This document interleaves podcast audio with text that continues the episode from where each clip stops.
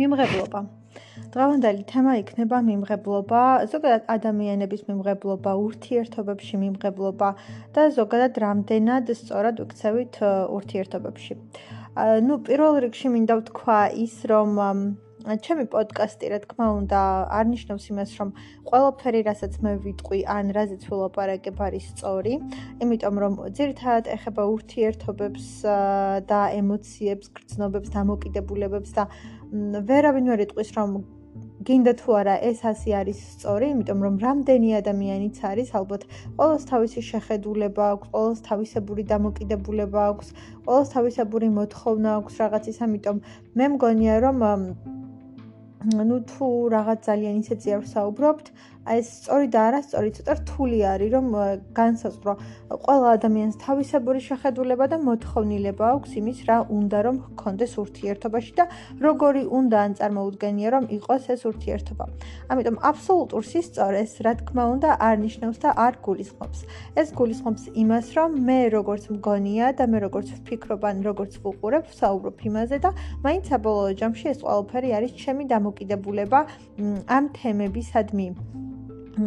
და რა შეეხება მიმღებლობას ურთიერთობებში, ხო, ნუ კიდევ ალბათ ის, რომ ჩემი გამოცდილებით, ჩემი დაკვირვებით, საკუთარ თავზე ან ჩემ გარშემო მყოფ ადამიანებზე და მოკლედ მაინც საბოლოო ჯამში პირადი გამოცდილების ხარჯზე და ფონზე არის ეს მთელი მიღებული ცოდნა და პირადი ემოციებიდან გრძნობებით. და რა მწყენია, რა არ მომწონებია, რა დამინახავს სხვა ადამიანის ურთიერთობაში განსაკუთრებით, როდესაც ორივე მხარეს იცნობ მაგალითად და შენ მესამე პირი ხარ და გარედან უყურებ, ხშირ შემთხვევაში უფრო კარგად ჩანს და უფრო მეტად იკითხება რაღაც დეტალები და განსაკუთრებით შეცდომები იკითხება. ხოლმე ძალიან მარტივად და კარგად, იმიტომ რომ რაც არ უნდა იყოს და როგორც არ უნდა იყოს, შენ ხარ გარეშე პირი და გარეშე დამკვირვებელი და შეიძლება რაღაც დეტალები უფრო მეტად შეამჩნიო, რაც თვითონ ადამიანებს და ნუ იმ კონკრეტულ წყვილს გამორჩება ხოლმე და ვერ ამჩნევენ.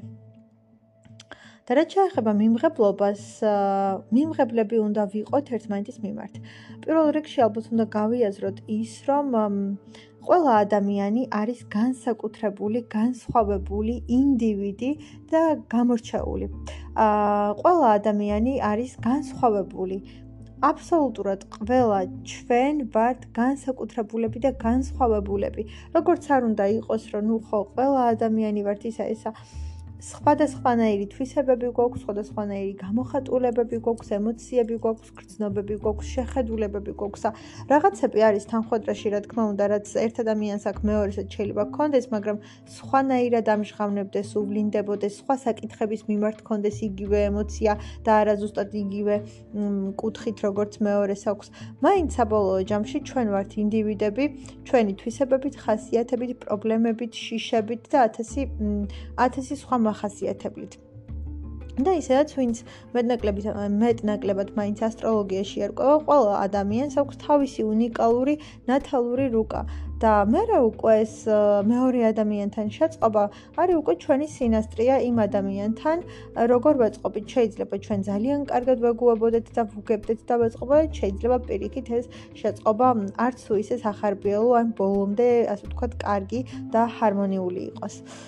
მოკლედ, ასეთ თემებზე თუ მიუყვებით, შეიძლება ძალიან შორსაც წავიდეთ, მაგრამ ალბათ პირველ რიგში მე ყოველ შემთხვევაში ასე მგონია, რაც უნდა გავიაზროთ და რაც უნდა მივიღოთ, არის ის, რომ ყველა ადამიანი არის განსხვავებული, განსაკუთრებული და გამორჩეული. ჩვენ ყველანი განსხვავდებით. ვერც ერთი ესე ორი ადამიანი ვერ იქნება ერთნაირი და ზუსტად იდენტური. შესაბამისად, ჩვენ სხვადასხვა მოთხოვნები, სხვადასხვა თვისებები, სხვადასხვა ხასიათი და სხვადასხვა გამოვლინებები გვაქვს. და ეს მთელი ჩვენი מחასიათებლები და ეს სირთულე არის განსხვავებული. და ჩვენ მაგალითად როდესაც ვფიქრობთ რომ რაღაცა 100 არის კარგი ან რაღაცა 100 არის კარგი ეს არის ჩვენი წარმოდგენები და ეს არის ჩვენი შეხედულებები. რაც შეიძლება არ იყოს ბოლომდე სწორი ან ბოლომდე მართებული. ხშირ შემთხვევაში არის ისეც რომ ურთიერთობაში მეორე ადამიანზე ჩვენ ვიქმნით რაღაცა წარმოდგენას, ვიქმნით რაღაცა გარკვეულ ილუზიას და შემდეგ ამ წარმოდგენებში, ჩვენს შეხედულებებში, ამ ჩვენს დამოკიდებულებებში და ილუზიებში ვართ და გქონია რომ ის რაც ჩვენ ვიფიქრეთ ან როგორც დავინახეთ ეს ადამიანი მაინც და მაინც ისეთია. და აა მოკლედ აა ვფიქრობთ ყოველთვის იმას რომ ვფიქრობთ ყოველთვის იმას, რომ ეს ყველაფერი არის მართალი რა და ასე არის. ხანდახან ისიც გვავიწყდება, რომ წლები რომ გადის ადამიანები იცვლებიან და ყველანი ვიცვლებით. განვითარება მოდის ათასი რაღაც იცვლება ჩვენთვის ყოველი დღე რაღაცას ცვლის. რაღაცა ამბავი მოხდება, პატარა, დიდი, ცოტა უფრო დიდი თუ როგორიც არ უნდა იყოს, რაღაც ამბები ხდება. ამ მომხდარ ამბებში, ამ პატარა დეტალებში, ყოველდღიურად ჩვენში რაღაც იცვლება, რაღაცა პატარა თუ დიდი გარდატეხა და გარდასახვა ხდება და ჩვენ უკვე ისეთები აღარ ვართ, როგორც ვიყავით მაგალითად 1 წლის წინ ან 1 თვის წინ. ხანდახან ეს ცვლილებები არის ძალიან შეუმჩნეველი, იმიტომ რომ როგორც წესი კუსნაბიჯებით მიდის. არის ასევე ხასიათი, არის ასევე თვისებები, რომლებიც მთელი ცხოვრება ვერ ქრება და რომლებიც მართლა დაბადებიდან გვაქვს და ვერაფერი ვერ შლის ამ ყველაფერს. ეს არის თვისებები, რომლებიც არის თანდაყოლილი, მაგრამ რაღაცები არის, რაც ვითარდება და იცვლება. ჩვენი შეხედულებები, ჩვენი დამოკიდებულება, გარკვეული საკითხების მიმართ რა დამოკიდებულებაც გქონდა მაგალითად 5 წლის წინ, იგივე დამოკიდებულება შეიძლება აღარ გქონდეს დღეს. იმიტომ რომ ჩვენში რაღაც შეიცვალა, ჩვენ უფრო მეტი ვისწავლეთ, დავინახეთ, გავიაზრეთ, ცხოვრებამ გვასწავლა, სიტუაციებმა გვასწავლა, საზოგადოებამ გვასწავლა, ზოგადად განამხოლოდ ჩვენი დამოკიდებულება შეიცვალა რაღაცა თემის ან საკითხის მიმართ. ზოგადად სამყაროში შეიცვალა, ანუ რაღაცები წინ მიდის და რაღაცები იცვლება. ამიტომაც ესეც უნდა გავითვალისწინოთ ხოლმე ურთიერთობებში, რომ განვითარება, რომ ადამიანი უბრალოდ ვითარდება, წინ მიდის და შეიძლება ისეთი აღარ იყოს, როგორც როგორც იყო 5 წლის წინ. შესაბამისად, ჩვენ თუ გვექნება იგივე მოლოდინები, რაც გქონდა 1 წლის წინ, ან არ ვიცი მართლა 5 წლის წინ, იგივე მოთხოვნები ან მოლოდინი შეიძლება რომ აღარ გქონდეს. მეორე ძირითადი პრობლემა მგონია არის ის, რომ ჩვენი წარმოდგენებიდან და ჩვენი შეხედულებებიდან უნდა გამოვიდეთ. ჩვენ ამ ადამიანს ასე ვხედავთ, ასე დავინახეთ, ასე მივიღეთ. შეიძლება ხშირ შემთხვევაში უფრო მეტად იდეალურად წარმოვისახეთ და დავინახეთ, ვიდრე რეალურად არის. ეს არ ნიშნავს, რომ ის ადამიანი ადამიანი ცუდია უბრალოდ ჩვენ გავაიდეალეთ ჩვენს გონებაში და ჩვენ ამ წარმოდგენებს და ამ შეხედულებებს ჩვენსავე თავში შექმნილ რაღაცა ილუზიებს თავს ვერ ვახწევთ და მის ნებისმიერ ნაკლს და მის ნებისმიერ რაღაცა უარყოფით თვისებას უკვე ვეღარ ვიღებთ იმიტომ რომ რას ქვია ის ასეთია მე ხო ასეთი მეგონა და მე ხო ასე ვხედავდი მაგრამ გვავიწყდება ის რომ შენ ხედავდი ეგ შენი წარმოდგენა იყო შენი შეხედულება იყო შენი ილუზია იყო. აა ყველაზე კარგი არის ის როდესაც რეალურად ვუყურებთ სურათს. რეალურად ვუყურებთ და რეალურად აღვქვამთ ამ ყველაფერს. და ეს ჩვენი აღქმა არის რეალობის ჭრილში და არა ჩვენს წარმოსახვებში და ილუზიებში. და კიდევ მნიშვნელოვანი არის ის რომ რამდენად შეგვიძლია მივიღოთ და გავიგოთ კი მე ასე ვფიქრობ, მე ასე მგონია, ჩემი შეხედულებები ასეთია, ჩემი წარმოდგენები ცხოვრებაზე, იმაზე, ამაზე ასეთია, მაგრამ ყველაფერ ამასთან ერთად არის ის მომენტი და არის ის ფაქტი, რომ არ აქვს მნიშვნელობა ჩვენ როგორები ვართ. და ჩვენ როგორი შეხედულებები და წარმოდგენები გვაქვს. ჩვენ თუ მეორე ადამიანი ნამდვილად გვყვარს, ნამდვილად გვეძურფასება და ნამდვილად გვინდა მასთან ურთიერთობა, ჩვენ უნდა შევძლოთ, ვეცადოთ, რომ გავიგოთ, მისი გადმოსახედიდან შევხედოთ, მისი თვალით დავინახოთ, მისი გრძნობებით ვიგრძნოთ, მის ადგილას დავაყენოთ ჩვენი თავი და იქიდან შევხედოთ და არა ის, რომ მე ესე მგონია და მორჩა. ზოგადად მგონია, რომ რადიკალიზმი არის ძალიან ცუდი. მიუხედავად იმისა, რომ რაღაც რაღაც ეტაპზე ალბათ ცხოვრებაში მეც გამომივლენია და ყველა ადამიანს გამოუვლენია, მაგრამ საბოლოო ჯამში რადიკალიზმი რო აი ესია და მორჩა, ან ჩემთვის ეს მიუღებელი იქნება და მორჩა, არ არის შენივე თავისთვის კარგი. ამ კუთხით და ამიდგომი ძალიან ბევრ ადამიანს დაკარგავ. და რა შეგემატება შენ? უბრალოდ შეიძლება შენ განსხვავებულად ფიქრობდე, განსხვავებული წარმოდგენები გქონდეს, მაგრამ ეცადო იმ მეორე ადამიანს გაუგო და გაიგო მისი, გაიგო მისი ემოციები, გაიგო მისი გრძნობები, მისი თვალით შეხედა უბრალოდ რაღაცას და ასე ვთქვათ, შეხვიდა მის მდგომარეობაში. და არა ის, რომ შენ უბრალოდ აი ესე ხაზი გადაუსვა და უარი თქო ყველაფერზე.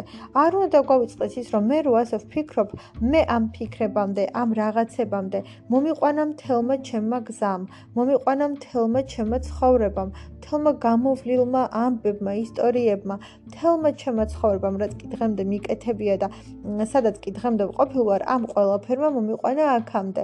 და ეს ყველაფერი მოქმედებდა ჩემზე, ეს ყველაფერი აა არ ვიცი, ეს ყველაფერი მოქმედებდა ჩემზე და ეს ყველაფერი იყო, რამაც დღეს აქ მომიყვანა და აქ დამაყენა. მთელი ჩემი ცხოვრება, მთელი ჩემი ბექგრაუნდი და მთელი ჩემი ისტორია არის იმის მოწმე, რომ ანუ დღეს ასეთი ვარ, როგორიც გავხდი ამ ფიქრებით, ამ შეხედულებებით, ამ წარმოდგენით და ყოველს იგივე გზა ხო ვერ ექნება გავლილი. ჩვენ არ ვიცით მის უკან რა ისტორიები იმალება. ჩვენ ბოლომდე ვერასოდეს ვერ ვიტყვით მის უკან რა არის და რა დგას მის უკან. და რა გზა გამოიარა ადამიანმა? რა ემოციები გამოიარა? რას შეეჯახა? რას წააწყდა? რას დაუპირისპირდა? რამ შეცვალა და ზუსტად ეგ არის კიდევ მთელი ჩვენი გამოვლილი ამბები არის იმის მაგალითი რომ ჩვენ ვიცვლებით.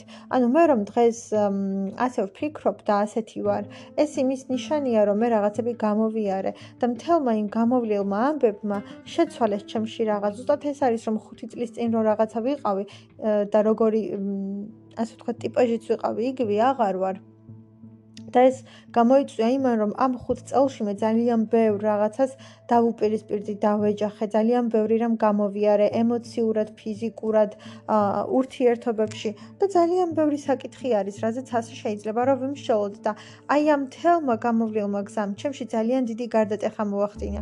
თელმა ამ გამოვლილმა გზამ და თელმა ისტორიებმა, რომლებიც მე მქონდა, ჩემში ძალიან დიდი ცვლილება, დიდი გარდატეხა და არ ვიცი, ძალიან დიდი ემოციური რაღაც გამოიწვია და მე ისეთი აღარ ვარ. და ამიტომაც მგონია რომ ყოველთვის, როდესაც მეორე ადამიანთან ვურთიერთობ, უნდა ვეცადოთ რომ მისი გადმოსახედიდან შევხედოთ, მისი ფიქრებით ვიფიქროთ, მისი თვალით დავინახოთ და შევხედოთ რაღაც მოვლენებს და მისი გრძნობები, ემოციები ან დამოკიდებულება გავითვალისწინოთ და რა ის რომ მე ასე ვხედავ და მორჩა შენ ხედავ იმიტომ რომ შენ ხარ ასეთი, მაგრამ არ ნიშნავს რომ ისიც ასეთი არის. ის საერთოდ სხვანაირი არის. სტრუქტურის ანუ სტრუქტურულად რომ ვთქვათ, ასე ვთქვათ, ჩვენ ყველანი განსხვავდებით. მე რომ ამ სტრუქტურის ვარ და აი ეს ასე ვთქვათ, კომპლექსიტი მაქვს, არ ნიშნავს რომ მეორე ადამიანსაც უბრალოდ იგივე სტრუქტურა და აგებულება და რაღაცა ექნება. ჩემს ხასიათს და თვისებებს თუ რაღაცა 5-6 რაღაც შეადგენს, შეიძლება მას ანუ მისეს შეადგენდეს 8 ან ეს ხუთეულები საერთოდ სხვადასხვა ხუთეულები იყოს და როგორ იქნება ისი ზუსტად იგივენაირი ან იგივე დამოკიდებულები და ემოციებით როგორითაც ვარ მე. შესაბამისად ის ადამიანი ძალიან განსხვავდება ჩემგან და მე მას ვერ მოვთხოვ ესე უპირობოთ რომ იყავი ისეთი როგორიც ვარ მე. იფიქრე ისე როგორც მე ვფიქრობ. შეხედე სამყაროს და მთელ ამბებს და ყველაფერს ისე როგორც მე ვუყურებ. და ეს მიმღებლობა ზუსტად მდგომარეობს იმაში რომ მე კი ვარ ასეთი, მე კი ვარ ამ ფიქრებითან, ამ წარმოდგენებითან რაღაცით, მაგრამ მე შემიძლია რომ გაგიგო შენ, მე შემიძლია რომ მიგიღო შენ და ეს მიმღებლობა, ეს მიღება ადამიანის არის ყველაზე დიდი რამ. აა, როდესაც ხელს არ კრავ, როდესაც არ გააგდებ. Ну, რა თქმა უნდა, ყველა თითქმის ყველა ის შემთხვევა, ჩემი პოდკასტების ამ მხრივ, რაც შეიძლება რომ ითქვას, არის ის, რომ მე ვსაუბრობ ჩაულებრივად, ასე ვთქვათ, ნორმალურ სიტუაციებზე და არ ვიცი, ნორმალურ ასე ვთქვათ განვითარებაზე და მოვლენებზე. ახლა ძალიან ესე ვთქვათ ბოროტ ადამიანებზე და მართლა განზრახო განზრახრო აკეთებენ რაღაც ცუც და განზრახრო უკეთებენ მეორე ადამიანს ცუც და მართლა ბოროტები რო არიან, რა ვიცი და ძალიან ანუ რაღაცა ის საშინელ შემთხვევებზე მოკლედ არ ვამბობ და არც განვიხილავ და აქედან გამომდინარე მგონია რომ ეს მიღება უნდა შეგვეძლოს ანუ და არა ის რომ ხელი უკრათ არა ის რომ მივატოვოთ არა ის რომ მივაგდოთ არა ის რომ გავრიყოთ, არა ის რომ ხაზი გადავუსვათ, უბრალოდ ვეცადოთ რომ გავუგოთ და მთელი ურთიერთობის საიდუმლო თუ რაღაც ძალიან დიდი ძალა არის უბრალოდ აქ და ამ ყოველფერში მიმღებლობაში რომ მე შენ მიუხედავად შენი რაღაცა ნაკლისა შეცდომისა იმდენად მიყვარხარ და იმდენად ძვირფასი ხარ შენ ჩემთვის რომ მე შემიძლია რომ მიგიღო მე შემიძლია რომ შენი რაღაცები რაც თუნდაც არ მომწონს ან რაშიც არ გეთანხმები ან რაშიც განსხვავებულად ვფიქრობ და განსხვავებული დამოკიდებულება და ფიქრები მაქვს გაგიგო მივიღო ეს ყველაფერი და მოკლედ ვიყო შენთან და ვიყო შენთან ერთად.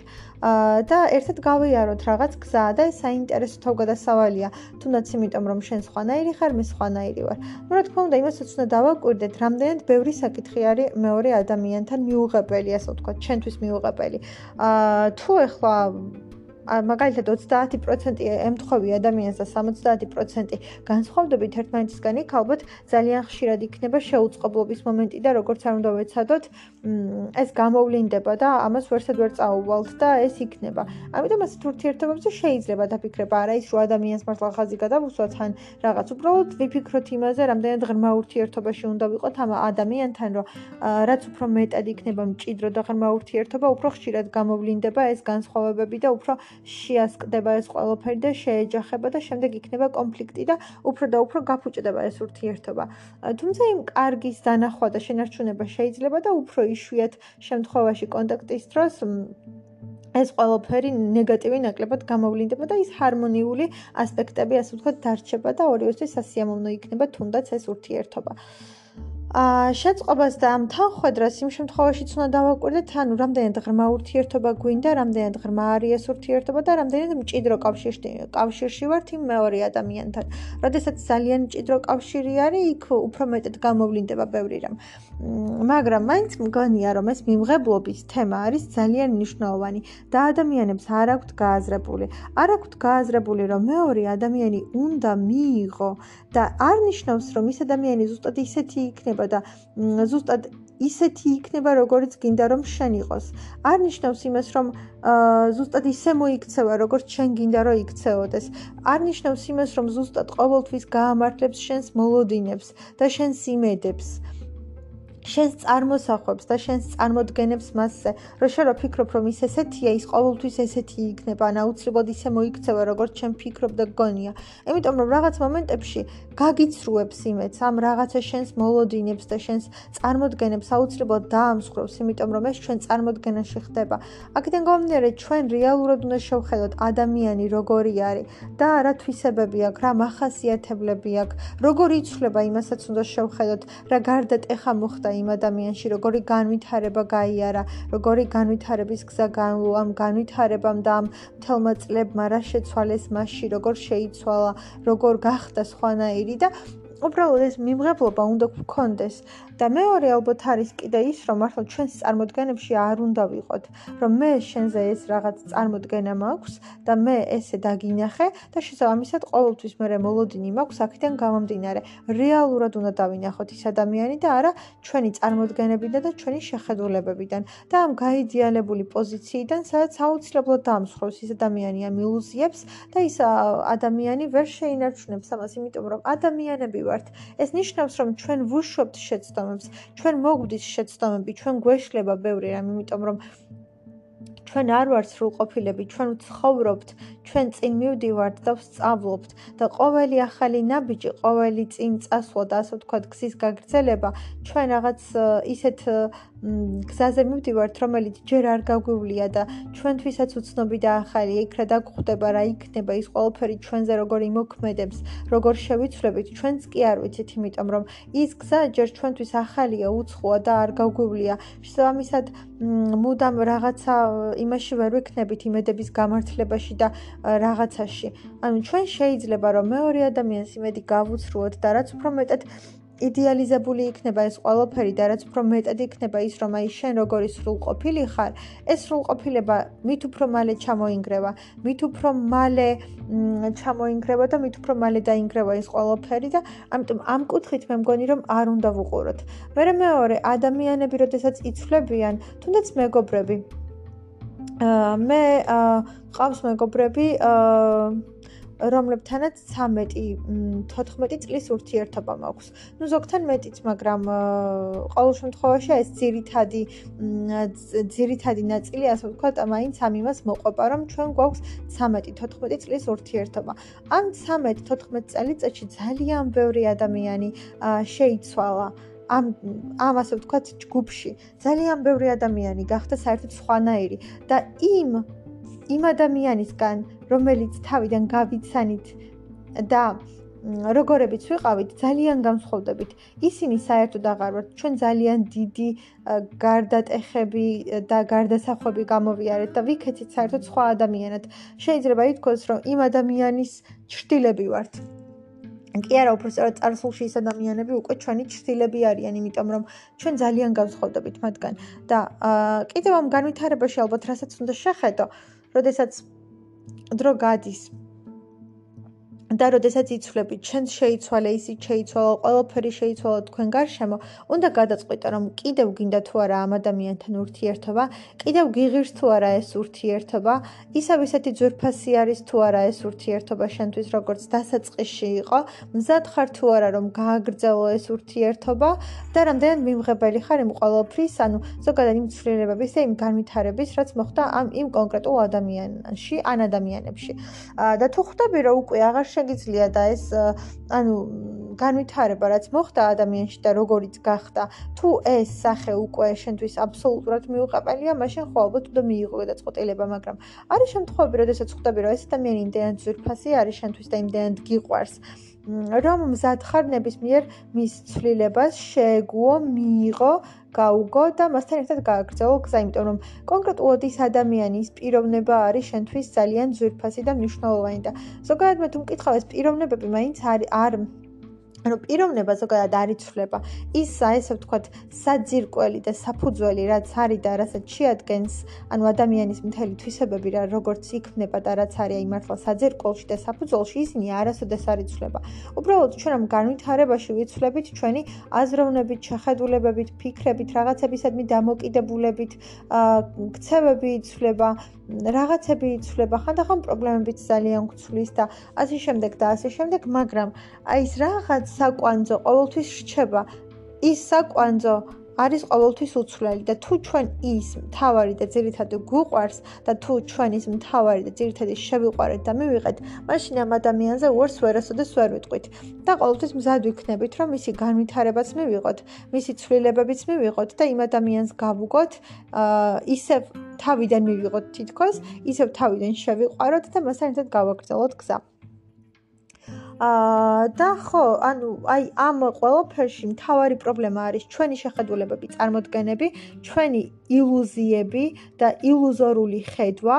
მეორე არის, რომ რეალურად რამდენად შეგვიძლია რომ იმ ადამიანს გავუგოთ, ანუ პირველი რაც თქვია, მანდ უნდა გამოვიდეთ საერთოდ ჩვენი ილუზიებით მეორე ადამიანზე არ უნდა ვიყოთ და არ უნდა ვიცხოვროთ, ჩვენი შეხედულებებით, ასე ვთქვათ, რეალურად უნდა ვეცადოთ და ვინახოთ რეალურ ჭრილში ის ადამიანი როგორია. აა ნუ მეორე თემა და მეორე საკითხი პრობლემატური რაც არის ის რომ მე კი ასეთი ვარ და მე კი ასეთი რაღაც დამოკიდებულება ან შეხედულებები მაქვს, მაგრამ მიუხედავად ამ ყოველფრისა, შემიძლია თუ არა რომ მოგისმინო და გავიგო შენიც, რომ გაგიგო, რომ გვერდით დაგიდგე, რომ შენთან ერთად ვიყო, რომ არ ვიცი, აი ეს რამდენად შემიძლია და რამდენად არის შესაძლებელი რომ ეს ყოველფერი გავაკეთო. რამდენად არის შესაძლებელი რომ შენ გვერდით მართლაც ვიყო და უბრალოდ შენ შენი გადმოსახედიდან და შენი კუთხით დავინახო რაღაცები და შენგან შევხედო და არა ის რომ მე ესე ვფიქრობ და მორჩა და ესა წერტილი და მართლაც ძალიან რადიკალურები ვიყოთ გარკვეულ საკითხებში. ანუ აი ეს არის უბრალოდ მიმღებლობა რომ მე კი ესეთი ვარ და ჩემი შეხედულებები კი ასეთი არის მაგრამ მე შემიძლია რომ შენიც გავიგო. მაგალითად რომ ვთქვათ, ადამიანი, რომელსაც არ უნდა ოჯახის შექმნა და არ უნდა მოკლედ ეს ოჯახური თანაცხოვრება და ნუ მოკლედ ბავშვები და ის ეს, ანუ არ უნდა და მეორე ადამიანი, მისი მეგობარი ან ვიღაც, არ ვიცი, მისი ვიღაც, რომელსაც პირიქით ძალიან უნდა ოჯახი, შვილები, ძალიან ბევრი ბავშვი ან ბავშვების გაზრდა და ეს არის მთელი მისი ცხოვრების მიზანი. როგორ შეიძლება იქიდან გამომდინარე, რადგან მე ეს არ მინდა და ჩემთვის მაგალითად არ არის სასურველი და საერთოდ სხვა ცხოვრება მინდა, მაგალითად მინდა რომ წორვალებს მივახციო, მაგალითად მინდა რომ ვიმოგზაურო, ან მოკლედ რაღაც სხვა მიზნები გაქვს რა, უფრო ან ძალიან კარიერისტი ხარ, ან რაღაცა ის სხვა სხვა რაღაც გსურს ცხოვრებაში და ნუ არა, ეხა ეს. ან გინდა რომ მეცნიერი გახდე, ან მკვლევარი გინდა, მოკლედ, ნუ რაღაც სხვა იდეები გაქვს და სხვა სურვილები გაქვს. რეალურად ეს ოჯახი მაგალითად არ გინდა და გინდა თავისუფლება, ესე მთელი ცხოვრება. როგორ შეიძლება რომ რადგანაც ჩვენ არ გინდა, აქედან გამომდინარე დადგე და უთხრა, იცი რა არის? აი რადიკალური იყო იმ კუთხით, რომ რადგან შენ ოჯახი გინდა და ეს გინდა მორჩა იქ და ესვა წერტილი.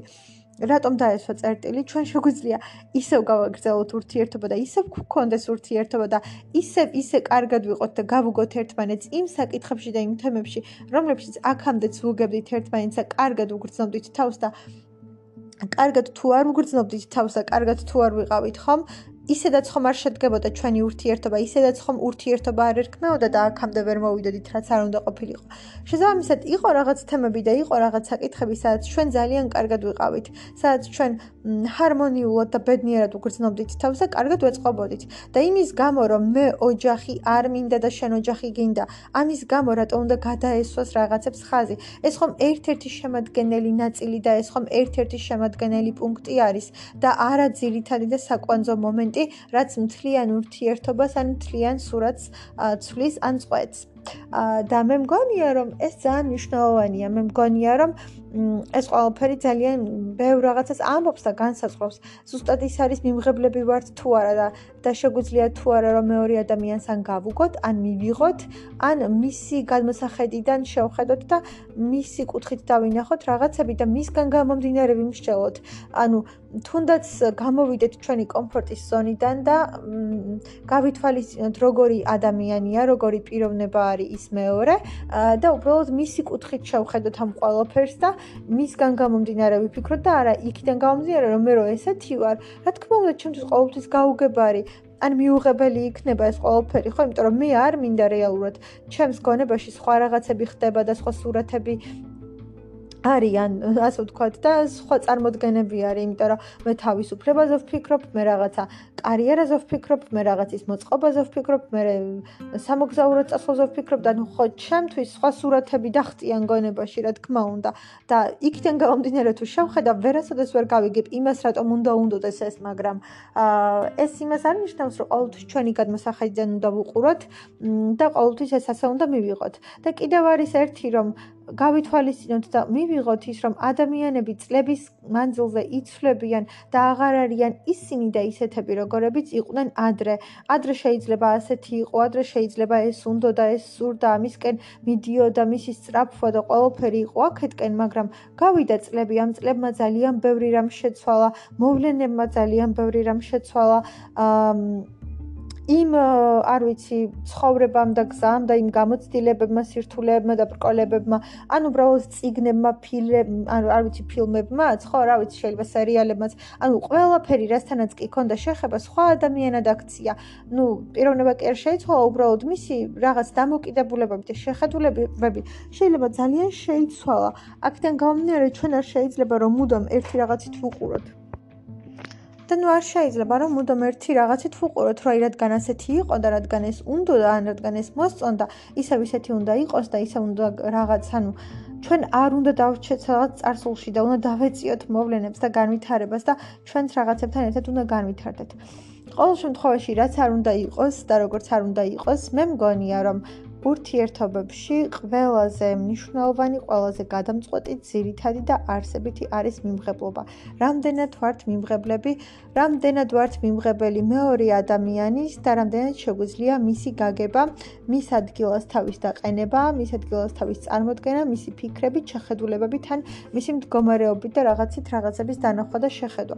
და რამდენად შეგვიძლია რომ არ დავშეთ ერთ წერტილში და მხოლოდ ერთი გადმოსახედიდან არ ვუყუროთ ყველაფერს აა და ამ ყოველფერთან ერთად მოკლედ ჩვენ წინ წავიდეთ და ზოგადად რამდენად არ უყუროთ მეორე ადამიანს მხოლოდ ჩვენი წარმოდგენებით მასზე, არამედ შევხედოთ მას როგორც რეალურ ადამიანს და პიროვნებას რეალურ ცხოვრებაში არსებულს. Thank you.